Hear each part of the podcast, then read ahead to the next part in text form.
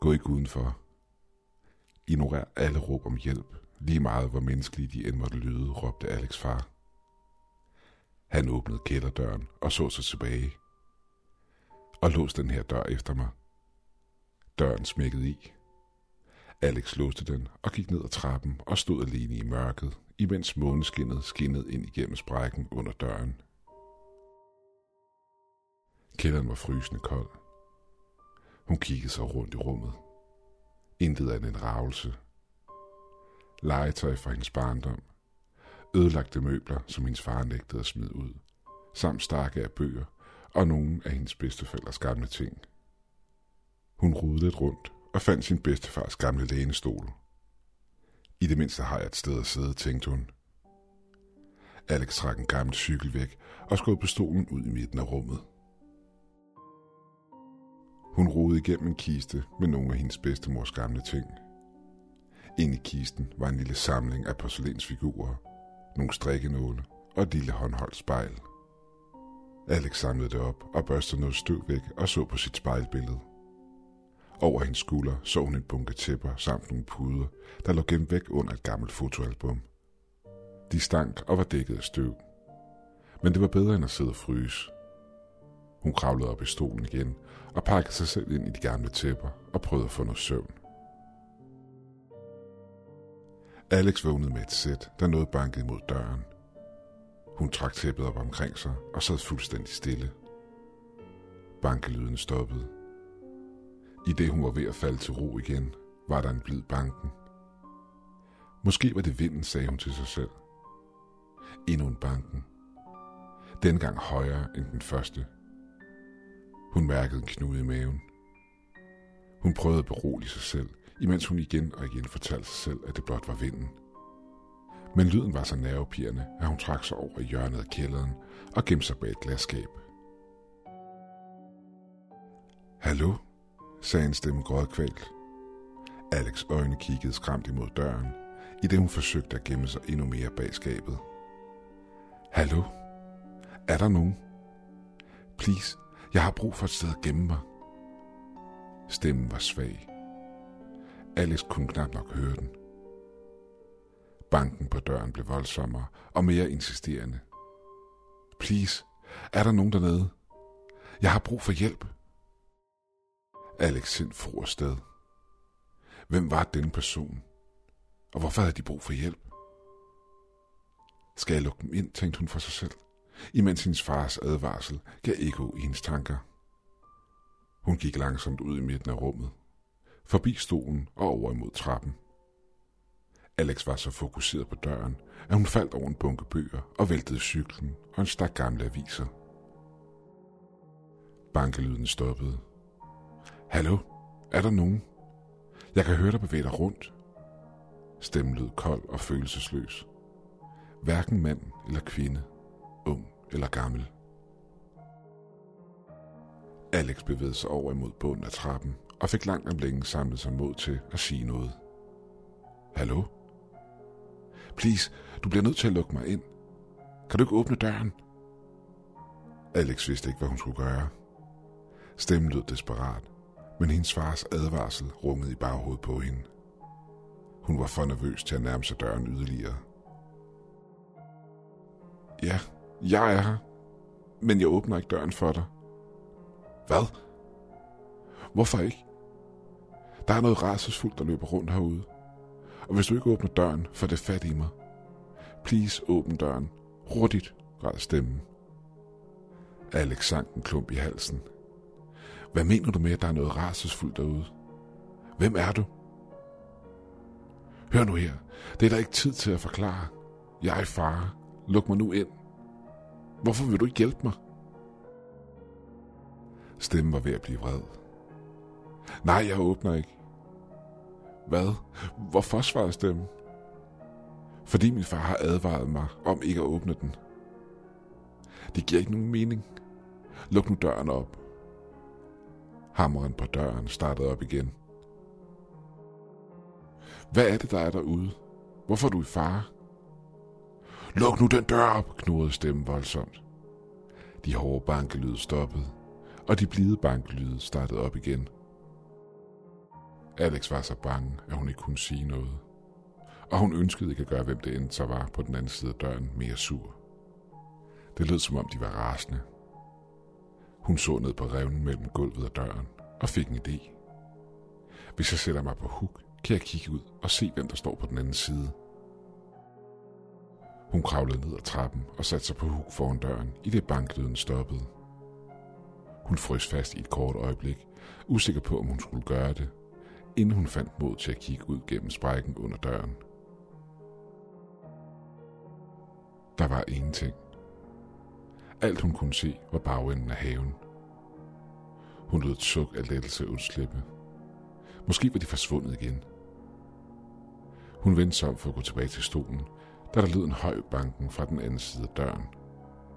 Alex for sammen og måtte gribe fat i kældertrappens gelænder for ikke at falde ned. Please, jeg beder dig.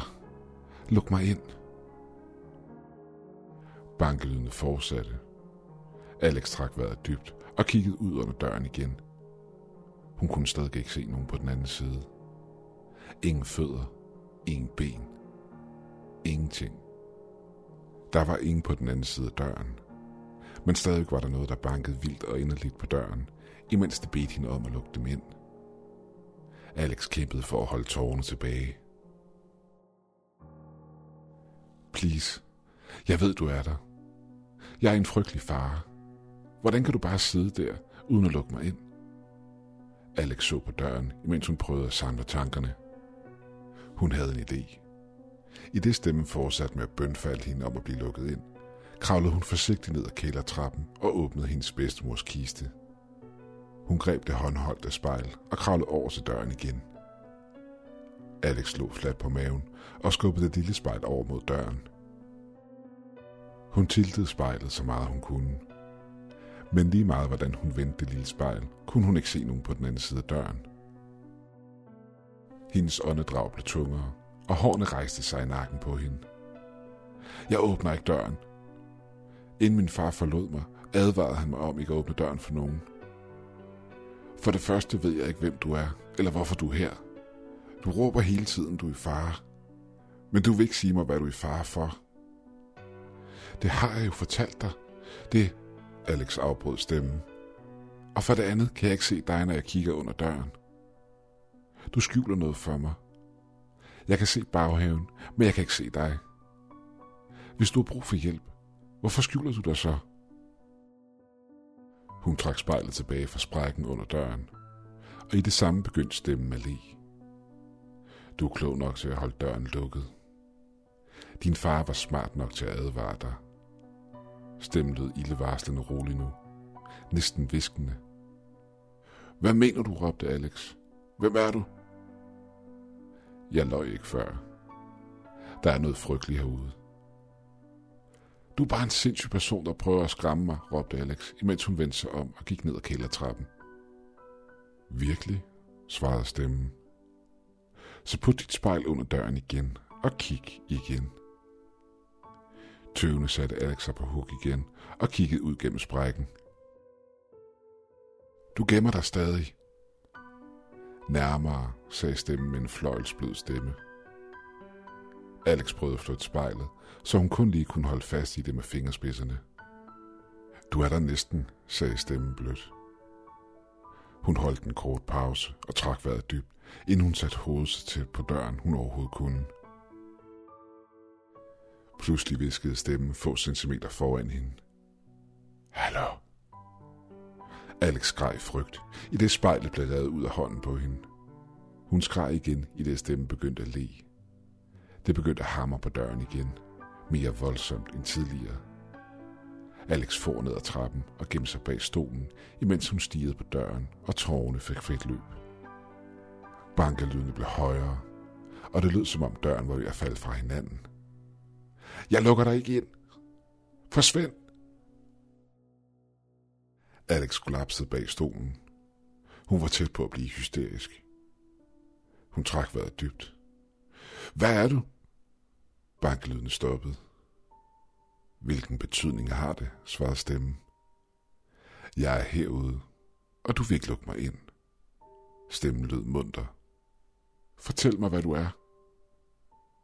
Det vil være meget nemmere at vise dig det. Hvis du åbner døren, så kan jeg... Nej, skreg Alex. Fortæl mig, hvad du er. Hvorfor jeg ikke kan se dig. Stemmen lå igen og fortsatte med at banke på døren. Alex kravlede om bag skabet og trak tæpperne over hovedet og dækkede hendes ører til med hænderne. Hun rokkede frem og tilbage, indtil hun var faldet så meget ned, at hun kunne lægge sig ned. Bankelydene blev svagere og svagere, indtil de helt stoppede. Hun lå i stillhed i hvad der føltes som timer. Ikke sikker på, om hun var vågen eller om hun sov. En banken på døren lød. Den var mindre voldsommere end før. Alex, er du der? Det var hendes fars stemme. Hun kryb frem fra sit skjul og kiggede over mod døren og så sollyset skinne ind igennem sprækken under den. Alex, det er far. Er du der? Please fortæl mig, du er der. Hun sprang frem og kiggede ud under døren og kunne se skyggen af sin far på den anden side. Far! Der var noget udenfor, der prøvede at få mig til at åbne døren op. Alex, gudskelov du sikkerhed. Kom og åbn døren. Vi må væk herfra. Hun låste døren op og flåede den op. Klar på at give sin far et kram. Far, jeg... Alex kiggede forvirret rundt. Hun kunne ikke se sin far nogen steder. Haven var tom. En følelse af rædsel skyllede ind over hende. Alex løb tilbage indenfor og smækkede døren i og låste den bag sig. Hun stod rystende i midten af rummet. Hun kiggede sig febrilsk rundt i rummet for at sikre sig, at hun var alene. En bunke bøger foran hende væltede, som fik hende til at skrige. En følelse af utryghed bredte sig i hende. Alex kravlede om bag skabet og trak tæppet over hovedet igen. En slisk og ondskabsfuld stemme viskede hende i øret. Dejligt, du gad at lukke mig ind.